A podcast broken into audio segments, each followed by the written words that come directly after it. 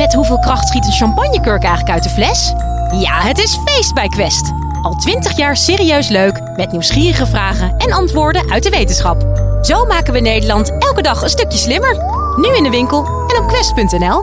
Nou, volgens mij stampot. Een stampot. Rookworst van de Hema. Boerenkool. Ja, uh, zuurkool met spek, denk ik. Boerenkool natuurlijk. Duidelijk, stampot is typisch Nederlands als je het vraagt aan de mensen op straat. We weten dus dat het heel lang nog niet waarschijnlijk werd gestampt, de aardappel. Dit is culinair historicus Charlotte Klein. Zij vertelt ons over de geschiedenis van de stampot. Dan krijg je gerechten waarbij aardappel werd gestoofd met boerenkool bijvoorbeeld. Dus dan denk je, dan zijn we er al. Maar daar staat het woord stampen nog niet in. Dus dat zie je echt pas zo rond 1900. Dus dat is ook echt nog helemaal niet oud. Ai, daar gaat onze trots. Wij vragen ons af: bestaat de Nederlandse keuken wel echt? In onze zoektocht naar de Hollandse pot duiken we eeuwenoude kookboeken in. Tussen torenhoge houten boekenkasten, in de stilte van de biep van het Allard Pearson, wacht Charlotte op ons. Hier liggen de alleroudste Nederlandse kookboeken opgeslagen. En daar mogen wij in rondneuzen. Charlotte haalt een boek tevoorschijn dat regelrecht uit een Harry Potter film lijkt te komen. En dit is het oudste kookboek dat wij hebben. 1593. En slechts een klein deel van het boek zijn kookrecepten. De rest is een medisch boek. Een van de dingen die artsen konden doen, behalve aderlaten en misschien wat, wat andere voorschriften over gezond eten. Maar het grote deel dat ze konden doen was een dieet voorschrijven. Niet zo gek dus dat daar de eerste recepten in staan.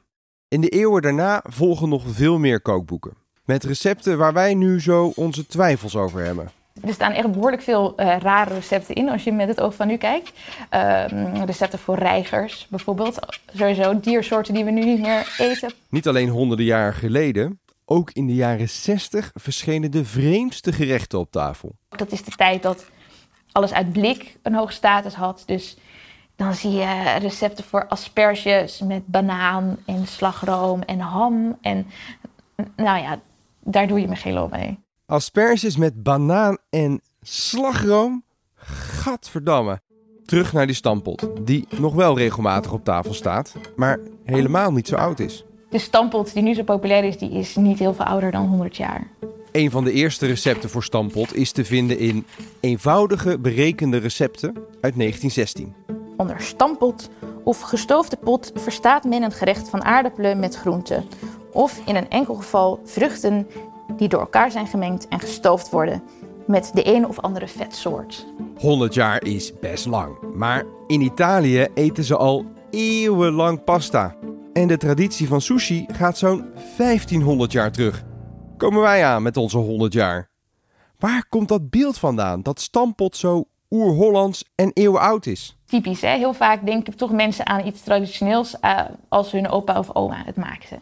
En het is nu neemt het een belangrijke plek in in Nederlandse huishoudens. Dus je kan het denk ik zeker typisch Nederlands noemen. Maar wat, wat je vaak leest dat het oer-Hollands is en eeuwenoud, dat klopt dus niet. Is het dan op zijn minst in ieder geval uniek voor Nederland? Er zijn heel erg vergelijkbare recepten voor stampot, zoals stoemp in België. En in Duitsland hebben ze versies. En je hebt colcannon in Ierland, dat is ook gestampte aardappel met boerenkool. Het idee om geprakte aardappels met gekookte groenten te mengen is natuurlijk ook niet ja, dat, dat kan op meerdere plekken bedacht zijn. Oké, okay, oké. Okay. Stampot is misschien niet het meest originele culinaire hoogstandje. Maar Nederland blijft toch zeker wel een echt aardappelland. Ja, de aardappel is helemaal niet Nederlands. Die komt uit uh, Peru. De rest van de wereld, dus uh, Europa, Afrika, Azië, die kennen de aardappel niet. Nou, in de loop van de 18e eeuw, al een beetje aan het eind van de 17e eeuw, komt die uh, op in Nederland als echt dat die wordt gegeten. Daarvoor groeide die al in siertuinen van de, de elite, maar dan om zijn mooie witte bloempjes. En het werd echt gezien als iets heel laag, laag voedsel. Het, het groeide onder de grond, het zag er niet mooi uit. Het, was, het werd gegeten door mensen in Amerika, dus door de wilden. Dus het was, de elite was er niet in geïnteresseerd. Maar het werd wel gegeten uh, door de boerenbevolking, die het misschien wel eerst had gebruikt als veevoer. En het groeit heel goed, de aardappel. Het is veel makkelijker te verbouwen dan graan. Dus het verspreidde zich best wel snel in de 18e eeuw. En dan aan het eind van die eeuw zie je het ook in kookboeken opkomen. Aardappel is dus een laadbloeier. Maar toen die er eindelijk was, konden we lekker aan het prakken. Vork erin, kuiltje maken en vol laten lopen met jus. Vraag het aan alle buitenlanders op TikTok. Nederlanders brakken alles. It is the worst place I've ever been food wise. They'll take their fork and they will grind it. Brakken. Dat prakken is best wel recent. Dus je ziet dat pas in de 20e eeuw komen. Als je naar de aardappeleters kijkt, dan zie je dat ze allemaal een vork in hun hand hebben en daar aardappels mee prikken. Dus dat zijn hele gekookte aardappels en niet een gestampte prak. Uh, dus ze aten dat alleen gekookt en misschien als ze geld hadden doopten ze het in een beetje azijn of uh, gesmolten spek. En dat was het. Om onze culinaire wortels te doorgronden bestudeert Charlotte niet alleen kookboeken, maar ook schilderijen. Daarop vond ze een aanwijzing voor iets dat wel typisch Nederlands is. Wat je wel al heel lang ziet, is de wens om zuinig te zijn. Dus om niet te veel te koop te lopen met wat je hebt. Dat zie je ook op stillevens uit de zuidelijke Nederlanden, wat nu België is. Dat is uitbundiger dan de Hollandse stillevens. Terwijl de ingrediënten die erop ziet, eigenlijk helemaal niet zo veel eenvoudiger zijn. Dat zie je ook wel in de keuken. Dus je hebt uh, zeker vanaf de 18e, 19e eeuw veel kookboeken met zuinig in de titel of goedkoop. Dus als je naar de recepten kijkt, het is echt niet de, de kost van de allerarmste mensen. Maar het was wel om te laten zien van nou, we, we doen niet, niet te, te ingewikkeld en niet te chic. Uh, dat zie je veel terug. En um, waar dat dan vandaan komt, dat is dan het volgende punt. Komt dat door het Calvinisme? Of was het Calvinisme hier zo ja, populair omdat het bij de Nederlanders paste? Dus misschien heeft het wel meer te maken met de handelsgeest. Dat het belangrijker was om geld te verdienen dan zelf te genieten. Dus je zag al dat de, de beste kwaliteit kaas werd geëxporteerd. En dan namen ze hier genoegen met een, een tweede, tweede rang. En je ziet nog steeds dat de beste vis en mosselen en schelpdieren die hier worden gevangen, die gaan naar Zuid-Europa. Um, dat willen we blijkbaar zelf, ja, we er niet voor over. Zuinigheid, dat is dus typisch Nederlands. Ja, ja, die gierige Nederlander. Maar hebben we dan echt geen enkel puur Nederlands recept? Op straat horen we ook wel wat andere associaties met de Nederlandse keuken. Ja, maar ook stroopwafel of drop. Uh, stroopwafels.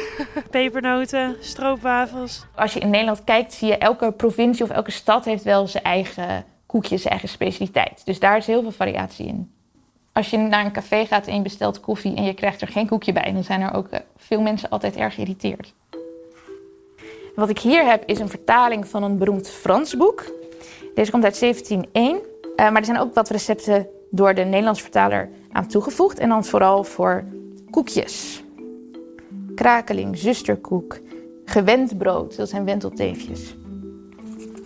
Biscuitbrood, banketkaak, kaak, nog een kaak, nog een kaak, nog een kaak. Krakelingen, amandelkrakelingen. Nou ja, van alles dus. En dat heeft ook wel een reden dat uh, graan niet goed groeit in Nederland. Dus dat moest altijd worden geïmporteerd, graan om brood van te bakken. Maar in Zeeland verbouwen ze wel bloem, Zeeuwse bloem. Maar die is een beetje te zacht om brood van te bakken. Maar ideaal voor koekjes. Nederlanders zijn dus echte koekenbakkers.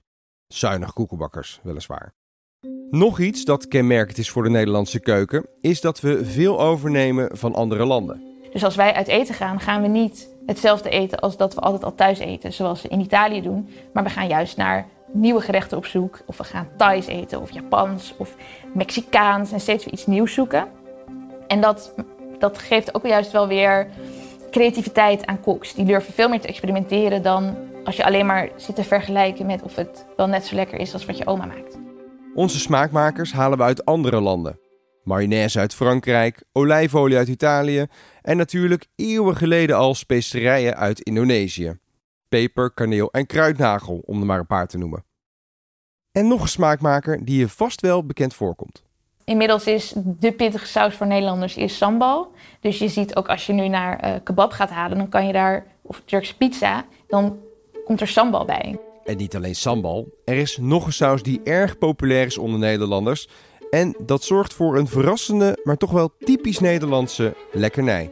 Hallo, ja, mag ik een uh, patatje oorlog, een kleintje? Ja, een patatje oorlog met pindasaus, mayonaise en uitjes. Die saus komt natuurlijk uit Indonesië. Maar ja, als jij nu met ons frietje pindasaus naar Indonesië gaat, dan staan ze daar raar te kijken hoor. Dank u wel. Eet makkelijk hè, voor hier. Dank je. Oké. Nou, patat of friet, ligt eraan waar je vandaan komt, met mayonaise, pindasaus en uitjes. Dat vind je nergens anders ter wereld. Dat is toch wel typisch Nederlands. Wij eten dat patatje ondertussen even lekker op. Het is maar goed dat je niks kan ruiken. Vond je dit nou een leuke aflevering? Vergeet je dan niet te abonneren, dan mis je nooit een aflevering. Tot de volgende!